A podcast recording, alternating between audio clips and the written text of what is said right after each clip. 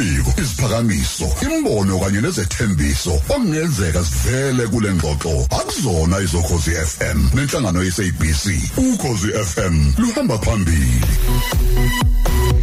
Sithi vukuqondeka banzi ngeze politiki no professor uBheki Mngomezula sikubingelele edlakadla emsakazweni ukhozi FM Eh asibingelele mashenge sibingelele ithimba lakho nabalaleli. Singena nje odabeni noma isihloko sayihlokwana ezintathu esiyiphethe namhlanje.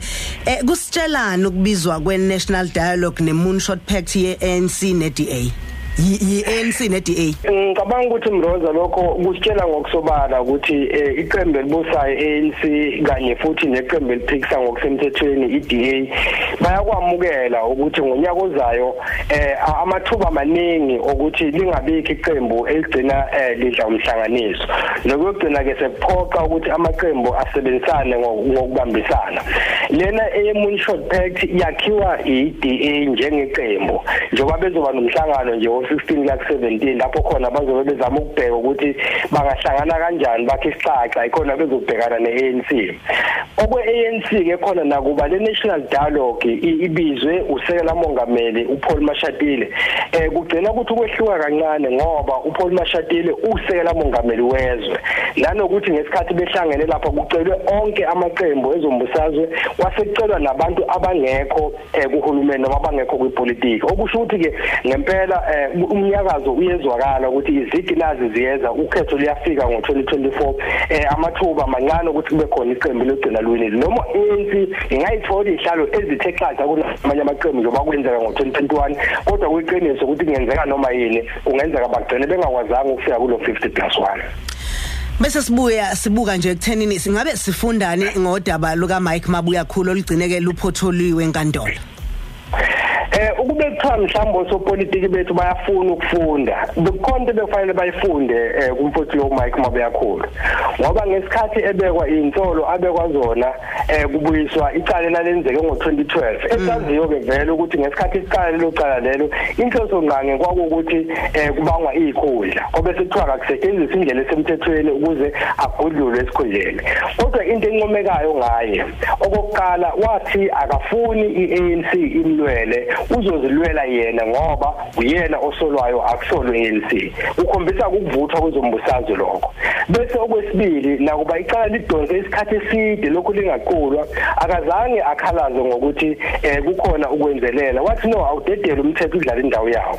Okwesithathu wayisholo yena. Ukuthi njengoba kunalezi insolo engibhekene nazo ngiyahoxa ukuzona zonke ikhundla kukhongolose. Kuyothi ngabe sedlule konke bese ngibuya wakwenza lokho. Okugcina ke kuthi uma ngabe seliphelile kudaba lwakhe. iANC yona uqobo lwayo. Abanye baba kade bengamxhasi ngesikhathi eyedwa lapha lapho kubanda khona. Babe sebebuya kuyena bazomcela ukuthi cha mfowethu ngoba nakho kuyokhethweni sizocela ukuthi usukume uzama ukukhankasela iqembu kwaZulu Natal akazange athi ngoba anengichasanga ngesikhathi ngisenkingeni angizukwenza lokho ngokukhulu ukuyithoba wathi hayi uzokwazi usasebenzela iqembu ngoba inhloso ngqangi yakhe kwakukuthi iqembu lingagcini libhekeka ngobende inyama lingayidlanga. Ngicabanga ukuthi izifundo lezo nje ezimbalwa abaholi hayi ku-ANC kuphela kodwa nje kuzo lonke abangakwazi ukuthi bathathe isibonelo bese benze ukufana hayi bendaba okudadalaza umuntu kuze kube mzuzu okugcina alokho eshona le eshona le. Uma nje kukhona into obonayo ukuthi ayihambanga kahle okay kulungile ngiyanisela. Okay ke inkantolo ayiqhubeke zenze ezikwenzayo emva kwalokho sibone ukuthi ubalo leqiniso mm bese sibuya sesiyivala nje sibuyele futhi kuyona eDA bese sithatha yona eh sihlanganise nowaye ngumongameli ubaba uJacob Zuma. Ingabe mhlawumbe ke yini engako ephakathi kwabo? Eh mhlamba siqale ngokusho ukuthi sibongele umfowethu lo Soli Msimanga ukuthi anqobe ukhetho lapha eGauteng ukuthi kube uyena ozohola iDA bese ke mhlamba umuntu ecela ukuthi laba abaseduze kwakhe abamtshela ukuthi akangachamazeli ngoba ezinye izinto akade ezishizolo uyabona ukuthi angeke ziyenzeke eh siyambongela ukuthi uwinile kodwa ke mhlawumbe akakathi ukwehlisa igiya ahambe kahle. Kulombuzo obuzayo kudadewethu kunedaba elithanda ukucaka la. Kunabantu ababalela ku 9700 788 eh abehliselwe izigwebo lento kuyayithiwe phecelezi i-remission of sentence. Eh kuthi uma ngabe kwenzeka lokho eh akukho DA kuyaphawula akukho Afri Forum kuyaphawula.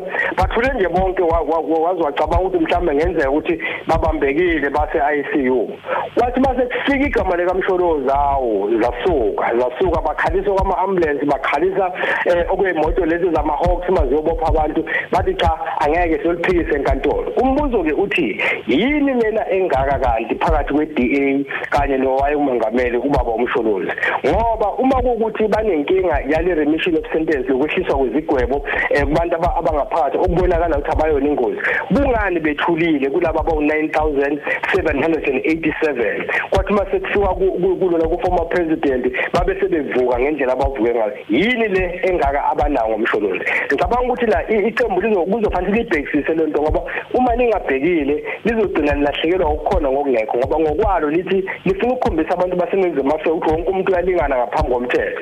Kodwa likwenzayo eh, kuyaphikisana nalokho ngoba uma bonke abantu belingana khuluma ngabo bonke nje phela laba 9787 eh bese ufaka ke nomshorozo ongoka 88 uma uzokhipha yena eceleni kusho ukuthi abantu abasalingani phambi komthetho. Kubuya lento kasobukwe kwakuthiwa kunesobukwe pure manje kuzoba nezuma pure angicabange lokho ukuthi umlando uyahlulela kahle. De uma yenze njalo Siyabonga kakhulu eh Dlakadla siyabonga prof ngokuthi usihlaziyele namhlanje siphinde futhi sihlangane ke ngokuzayo. Bonke ngenza kwethu ngibele Ulalela u DJ Skemer no Rosa njalo ngomsombuluko kuya kulesihlanu. Ivuka Africa Breakfast Show.